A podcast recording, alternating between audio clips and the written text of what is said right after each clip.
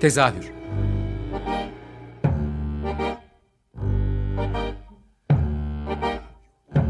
İstanbul tiyatro hayatı üzerine gündelik konuşmalar. What keeps mankind alive?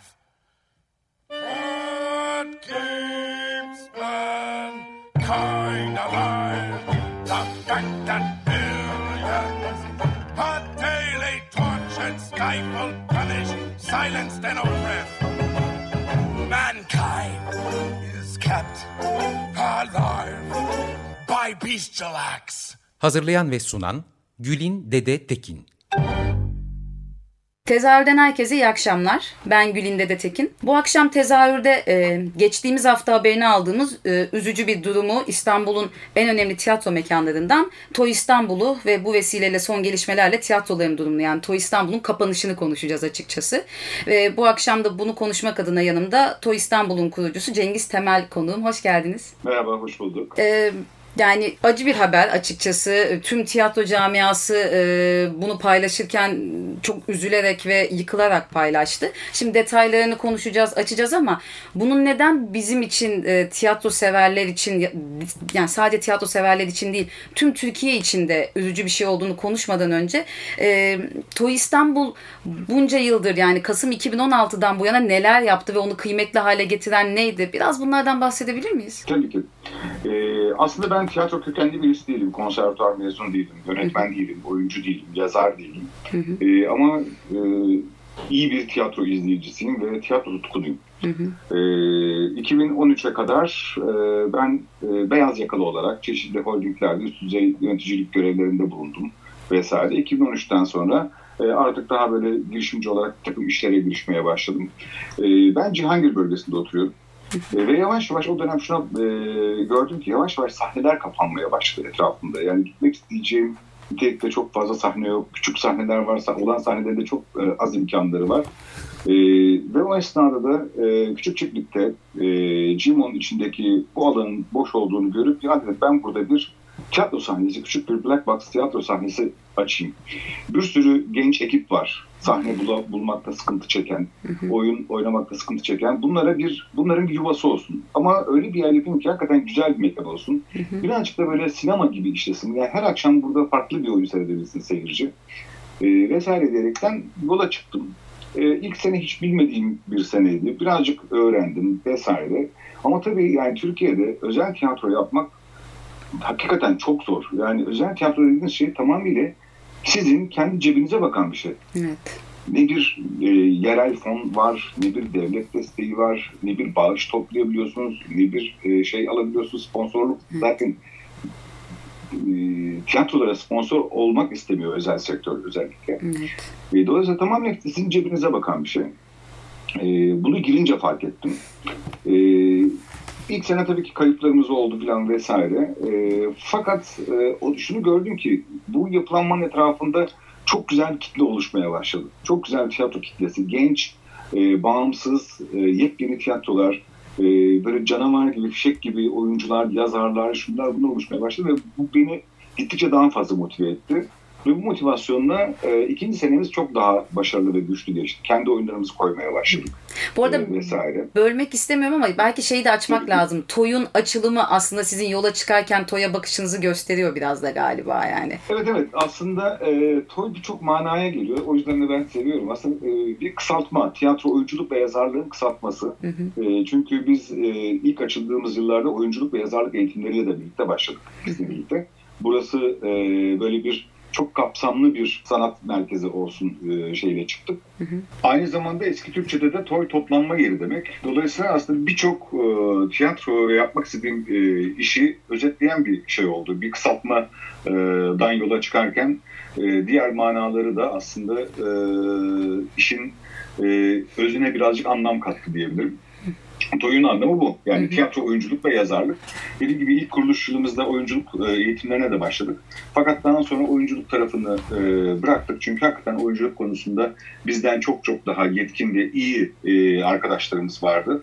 Onların alanına girmedik. Biz yazarlık tarafında ustalaşalım dedik. Hı hı. Yazarlık tarafında da hakikaten e, iyi eğitmenlerimizle iyi bir e, altyapı oluşturduk. Hı hı. Çok e, yetenekli yeni yazarlar yetiştirdiğimize de inanıyorum e, sektöre. Hem tiyatroya hem sinemaya hem e, televizyona olmak üzere. Hı hı. E, 2016'da işte bu e, sebeple e, kuruldu dediğim gibi TOY ve sonrasında da e, etrafında gerçekten çok genç, çok yetenekli, e, yepyeni ekiplerle e, bir araya geldi. Onların evi haline geldi. Yani benim mekanımdan ziyade onların mekanına dönüştü. Ben onlara sadece bir e, altyapı e, hazırladım. Programlarını hazırladım. E, ve mekanı işlettim.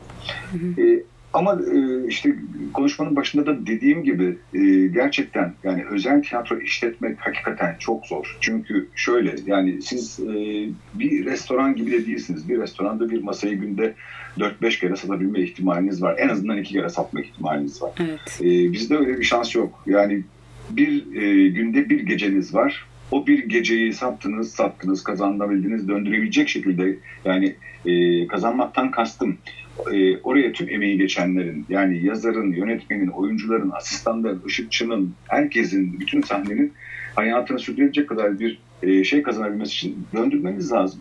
E, bu da maalesef her zaman e, mümkün olmuyor. Bunda sadece siz kendi fonunuzla desteklemek zorundasınız. E, ilk yıllar biraz zorlandık fakat sonrasında dediğim gibi e, marka olarak ve mekan olarak ve seçki olarak Toy e, seyircinin e, hem seyircinin hem de ekiplerin e, gözünde çok iyi bir yer edindi. Ve iyi bir yere geldik ve e, son derece iyi bir noktada giderken birden bu pandemi e, belasıyla karşı karşıya kaldık. e, şimdi e, buradan tabii kapatma noktasına geçeceğim ama kapatma noktasına geçmeden önce aslında özel e, tiyatro özel tiyatro e, sahibi olmanın, özel tiyatro yönetmenin Türkiye'de güçlüklerinden de bir parça Evet ben ona lazım. gelmek istiyordum biraz aynen öyle. Hı. Hı hı. Ee, şimdi şöyle ki aslında yani özel tiyatro, e, yani tiyatro dediğiniz aslında bir sanat kolu ve bir sosyal e, olgu, sosyal e, bir e, konudan bahsediyoruz. Sosyal e, konular aslında birazcık devletin de sorumluluğunda yani yerel e, yönetimlerin de e, sorumluluğunda onların da paylaşmaları gereken bir şey. Ama yani dünyada bunun örnekleri bütün e, işte gerçekten tiyatronun gelişmiş olduğu e, ülkelerin hepsinde bunun örneklerini çok net olarak görebiliyoruz ama bizim ülkemizde maalesef bu yok. Yani e, hiçbir şekilde özel tiyatro olarak çok az destek alabiliyorsunuz. Yani senede bir kere işte bir e, projenizi gönderiyorsunuz. Bir destek alabilirseniz bir projenize alıyorsunuz ya da alamıyorsunuz. Orada da zaten çok kısıtlı bir kaynak var. E, dolayısıyla tamamıyla kendi kaynağınızla bu işi yapmak zorundasınız. Hadi tamam kendi kaynağınızla yapmaya e, soyundunuz diyelim. E, ama tabi olduğunuz kanunlar e, sanata uygun kanunlar diyelim. Yani Türk, e, değilsiniz ama Türk Ticaret Kanunu'na e, Evet. tabisiniz. E, çalışanlarınız e, iş güvenlik kanununa e, tabi. Yani bunların bir kere çok e, ciddi düzenlenmesi gerekiyor. E, Türkiye'de tiyatro işletebilmek, tiyatro yapabilmek için. Çünkü e, yani e, o kadar büyük bir vergi, sigorta vesaire yükü biniyor ki sizin çalışanlarınız normal çalışan gibi değil ki sabah 9'da gelip de akşam 6'da çıkan. Ya esnaf vergisiyle ilerlemek evet. Hayır şu açıdan diyorum. Ona göre düzenlemesi yapılması gerekiyordu Evet. iş güvenlik kanunundaki sigortalı tanımının da. Evet. E, Çünkü çok ciddi bir yük getiriyor sigorta yükü sizin üzerinize. Siz bir bileti 70 liraya satıyorsunuz. Bunun üzerinden KDV'sini çıkıyorsunuz. Tamam %8'li KDV bu pandemi döneminden sonra %1'e indirdiler. Umarım bu böyle e, devam eder. E, ancak şöyle ki siz %1'le bilet satıyorsunuz. E, ekipleriniz o geliyor sizde oynuyor. Siz ekiplerden hizmet alıp sattığınız için ekipler öderken %18 ile ödüyorsunuz. Ekipler size %18 ile fatura kesiyor. E, %17 sizin cebinizden çıkıyor ilave olarak. Şimdi bu yeni dönemde öyle söyleyeyim. Eskiden %8 ile %18 arasında Oldu. %10'luk bir fark vardı. %10'da siz finanse etmek zorunda, kalıyorsunuz. E siz hiçbir yere e, toplu e, bilet dışında hiçbir yere fatura kesemiyorsunuz tiyatro olarak. Dolayısıyla o e, KDV yükü birikiyor da birikiyor, birikiyor da birikiyor ve bunu da tahsil edemiyorsunuz. Çok ciddi bir yük. Orada e, devlette devletten tahsil edemediğiniz bir yük olarak e, Kalıyor. işletmenin üzerine biniyor bu yük. Diğer tarafta dediğim gibi e, personel çalışması yani sizin personeliniz siz 8 ay bir kere zaten bir faaliyet gösteriyorsunuz. 4 ayı tiyatronuz kapalı. E, 8 ayında dediğim gibi sabah 9'da açıp da akşam e, bir saatte kapatmak değil işte E, 8'de açıyorsunuz, 11'de bitiyor işiniz. o saat içinde ne yaptıysanız yaptınız. Ne kadar kişiye ulaşabildiyseniz ulaştınız. E, bu da tamamıyla sizin çabalarınız vesairesi olması gerekiyor. Özür dilerim. E, bu kadar bir iş yapabilmek için çok büyük yüklerin altına giriyorsunuz bu sefer. E, hep işletme tarafından bahsediyorum şu anda. Yani tiyatroların üzerindeki ekonomik yükler üzerinden bahsediyorum. Evet. E, sanatsal tarafından bahsetmiyorum. Çünkü e, ti- tiyatroları yıpratan, özel tiyatroları yıpratan tamamen bu ekonomik yükler zaten. E, altından kalkamamaları. E, durum böyle olunca da bir zaman sonra bu sarmal artık çıkmaza e, gelmeye başlıyor, çıkmaza girmeye başlıyor E, ve e, durup düşünüyorsunuz işte pandemi döneminde geliyor üzerine böyle bir dönemde geldiği zaman yani bu salgın hastalık olur. E, ekonomik çok büyük bir kriz olur E, ki zaten içindeyiz bir şekilde de. Evet. E, atıyorum Allah korusun e, savaş olur, de- deprem olur, gündem de olur. E, bir sürü şey sizi durdurabilecek e, işte sebepler. Bunlar bütün sektörler için geçerli tabii ki. Sadece tiyatro için bahsetmiyorum. E, bir de böyle bir şey bilince e, zaten kaybettiğiniz bir dört ay var. Onun üzerine bir zaman daha kaybetmek durumundasınız. E, burada e, sürekli olarak kaynak ayırmak durumundasınız. E, o işletmeyi açık tutabilmek için. Açık tutacaksınız ama satamayacaksınız. Çünkü şu şartlar altında e, satmanız mümkün değil. Kapasiteyi Evet. indirseniz e, nasıl döndüreceksiniz orayı? Mevcut yeni yönetmelikteki kurallara uymaya kalksanız e, çok ciddi bir yatırım gerekecek. O yatırıma nasıl uyacaksınız? Zaten Ee, 100 kişilik bir seyircilerinizin- salonunuz vardı. Yanlış. Aynen Evet. 100 kişilik bir salon. Seyircilerin e, sağlığını nasıl gerçekten sağlayacaksınız? Yani her ateş ölçenin o anda ateşi yok diye e, bulaşıcı demek, e, bulaşıcı değildir demek değil ki. Evet. Yani bunun böyle olması. Vicdani bir yükü de- Yani ateş ölçmek, Evet. ate- ateş ölçmek ne kadar önleyici bir şey. E, oyuncuyu nasıl koruyacaksın? Ekipleri nasıl koruyacaksın? Bir sürü e, soru işaretleri içinde. Yani bu bu şekilde e, gitmeyecek daha fazla.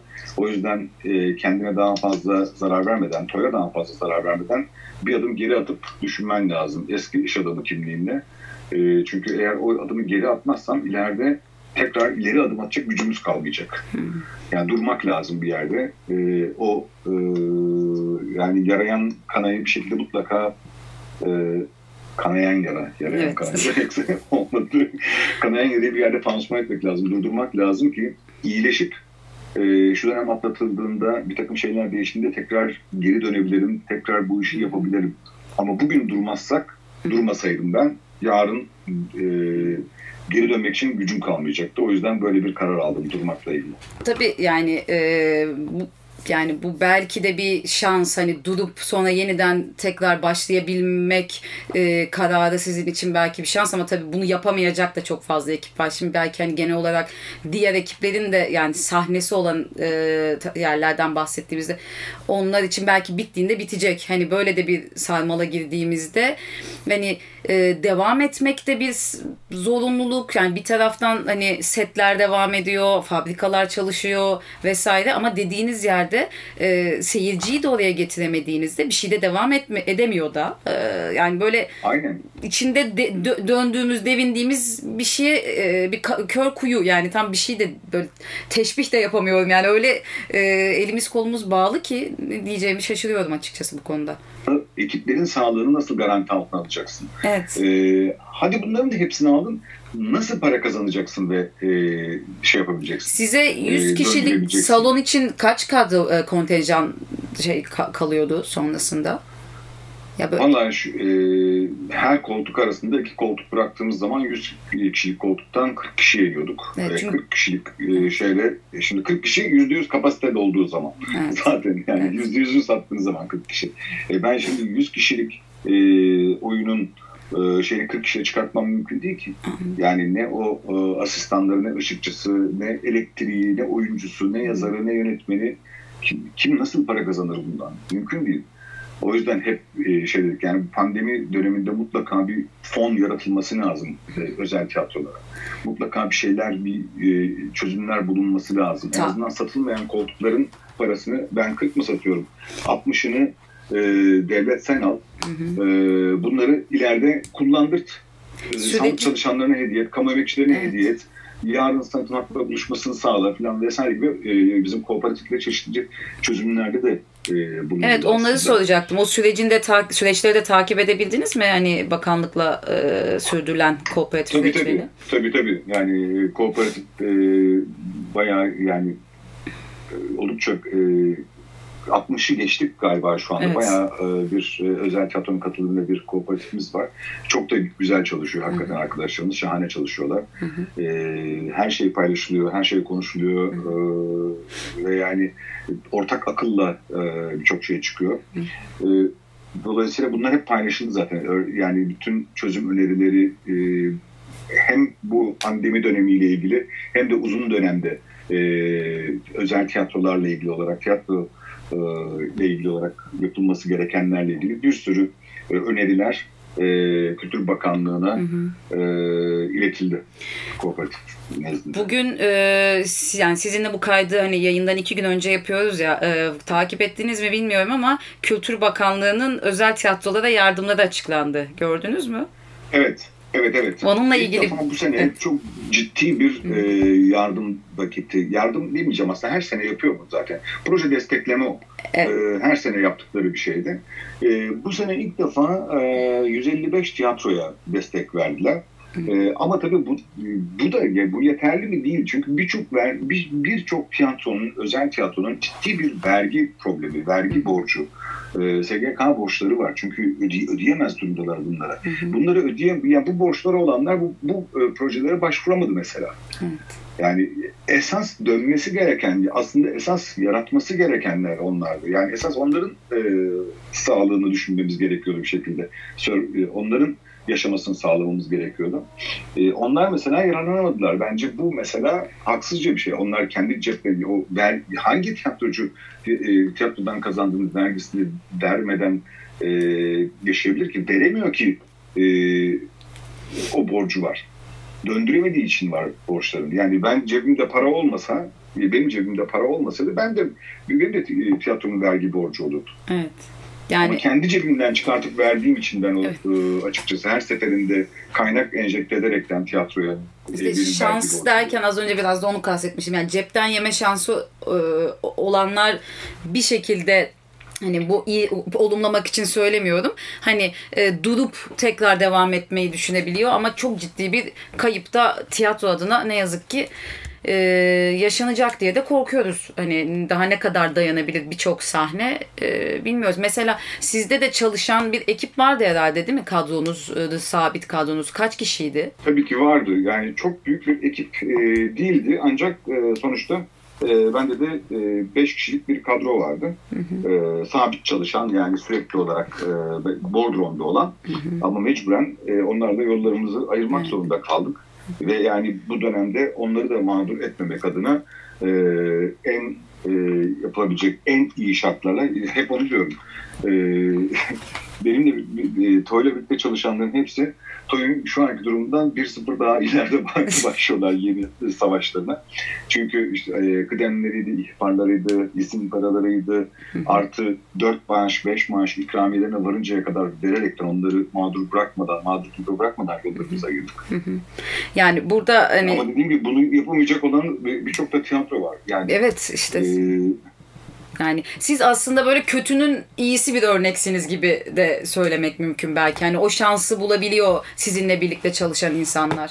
Bu arada hani çalışanlardan bahsetmişken bu yayına aracı olan Dilek Tora'ya da ayrıca teşekkür etmek istiyorum. O, e, ya da bu 4 yıl ya şey 3 yıldır sanırım Sami Berat Marçalı e, genel sanat e, yönetmenliği yapıyor. Onlara da teşekkür etmeden geçmek istemedim Toy adına. Hani, e, adlarını almış. Evet evet yani e, dediğim gibi e, e, Sami olsun, e, Dilek olsun, e, Ümit, e, Tayfun, e, Kemal e, yani e, çok iyi, çok güzel çalıştığımız şahane bir ekibimiz vardı ama e, yani sürdürülebilirliği olmadığı için bugün için e, yollarımızı maalesef ayırmak zorunda kaldık ama yarın ne olur tabii e, Evet, bilinmez. tam bu- çok istiyor tabii ki. yarın- Yani bir takım şeyler düzelmediği sürece ama e, dönmek ve e, bu işi bu şekilde yapmak çok e, manalı değil açıkçası.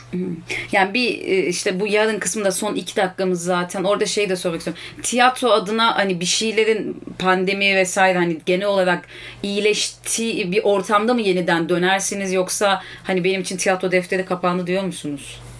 Yo yo tiyatro defteri kesinlikle kapandı. Bir kere tiyatro defterinin kapanması mümkün değil. Tiyatro yapmaya devam ediyorum ben. Hatta e, bir tane oyunuma Kültür Bakanlığı'ndan destek de çıktı. İşte bunları duymak Tiyatro istiyorum. yapacağım. Sahne işletmeye şu anda ara veriyorum. Tamam. Bunları duymak aslında hani Şu anda sahne işletmeye Evet, ara veriyorum. nasıl Sahne devam ediyor? Için, e, e, sahne işletmek için işin ekonomik şartlarının oluşması lazım. Hı hı. Ekonomik şartların oluşmadığı yerde 100 kişilik küçük sahneleri işletmek hakikaten çok çok zor. Don Quixote'luk. Yani e, başka bir şey yok. bütün o Don Quixote'lara Açıkçası. buradan selam olsun. Evet. Evet hepsine selam olsun. Bu arada siz de isterseniz hani e, kapatmadan önce bu Kültür Bakanlığı'ndan destek alan oyununuzdan da bir bahsedelim. Hani e, şey spoiler olmayacaksa mümkünse. Valla e, beni çok heyecanlandıran bir oyun bu. Yine e, geçen sene e, yaptığımız ve çok hakikaten çok ses getiren Hipokrat diye bir oyunumuz oldu. Canan Ergüder'le Kenan Ece e, paylaştılar. Erdi Işık yazdı, Kayhan Berkin yönetti. Erdi'nin yeni projesi bu. E, düğün şarkıcısı diye. E, ben okuduğumda, ilk okuduğumda bir kere yani zaten Cihangir'de, Beyoğlu'nda yaşadığım için, o değişimi de gördüğüm için beni çok etkiledi ve çok hoşuma gitti proje. Ee, 2000'lerin başında bir İstanbul e, Beyoğlu'nda bir caz kulüp ve bir caz kulüp şarkıcısını e, tanıyoruz aslında. Onun hayatı. Tek kişilik bir oyun olacak. E, ve İstanbul'un ve Beyoğlu'nun değişimi, değişimiyle beraber o caz kulübünün kapanıp bir düğün salonuna dönüşmesi ve bizim caz şarkıcımızın da düğün şarkıcısı olma hikayesi Hmm. hem Beyoğlu'nun dönüşümünü hem İstanbul'un dönüşümünü e, bir e, e, şarkıcının dilinden ağzından dinleyeceğiz. Ne Ama zaman tabii çok e, sürprizleri var. ne zaman sahnede olacak peki? Bir şey var mı öngörünüz şu anda? Vallahi şimdi bugün aldık haberi e, Kültür Bakanlığı'ndan proje desteği çıktığını e, ama desteğin ne olduğunu hiçbirimiz bilmiyoruz. Şu anda kimseye desteklerle ilgili bir şey söylenmedi. Yani bu destek bizim oyunu yapmamızı sağlayacak nitelikte bir destek mi? Desteği aldıktan sonra biz bu oyunu ne kadar zamanda çıkartabiliriz ona bir bakmak lazım. E, çünkü e, bir, bir üç draft falan çalışıldı üzerinde. E, sonrasında bir belki bir e, işte e, birkaç oyuncuyla da e, görüştük. E, okuma provalarına falan başlayıp o e, süreçte tekrar bir çalışılması gerekiyor. Yani en azından bir 2-3 aylık bir çalışma dönemi e, gerekiyor işin. Dolayısıyla bu şartlar e, pandemi böyle delirmezse yine bizi evlere tıkmazsa e, sanırım Ocak, Şubat gibi e, çıkartmış oluruz. Ama tabii oynayacağımız mekanın da e, olması lazım. Tabii. E, onları da çalışmamız lazım. Hangi mekanlarda oynayabiliriz, ne yapabiliriz falan vesaire diye.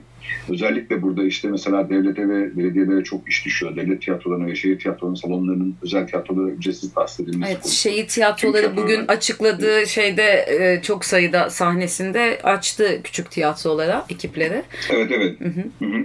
Onlar Bütün özel tiyatronun eşit yar- yararlanabileceği bir planlamayla bunu yapması lazım. Evet. evet. Ee, dolayısıyla işte e, yani her şey yolunda gittiği takdirde herhalde e, en geç Ocak sonu falan gibi e, çıkartmış oluruz diye düşünüyorum bu oyunu. Yolu açık olsun e, diyelim o zaman. Çok teşekkür ederim. Süremizin Çok sonuna geldik. inşallah. Deneyimlerinizi paylaştığınız için çok teşekkür ederim.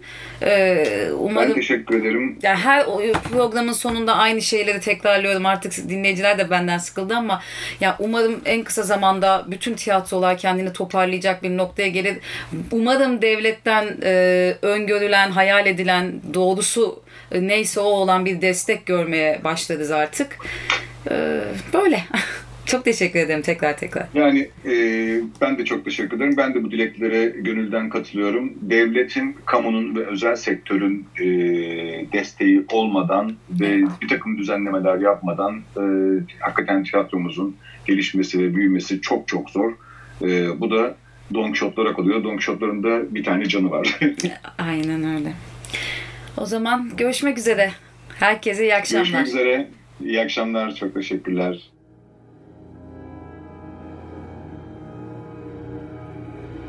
Tezahür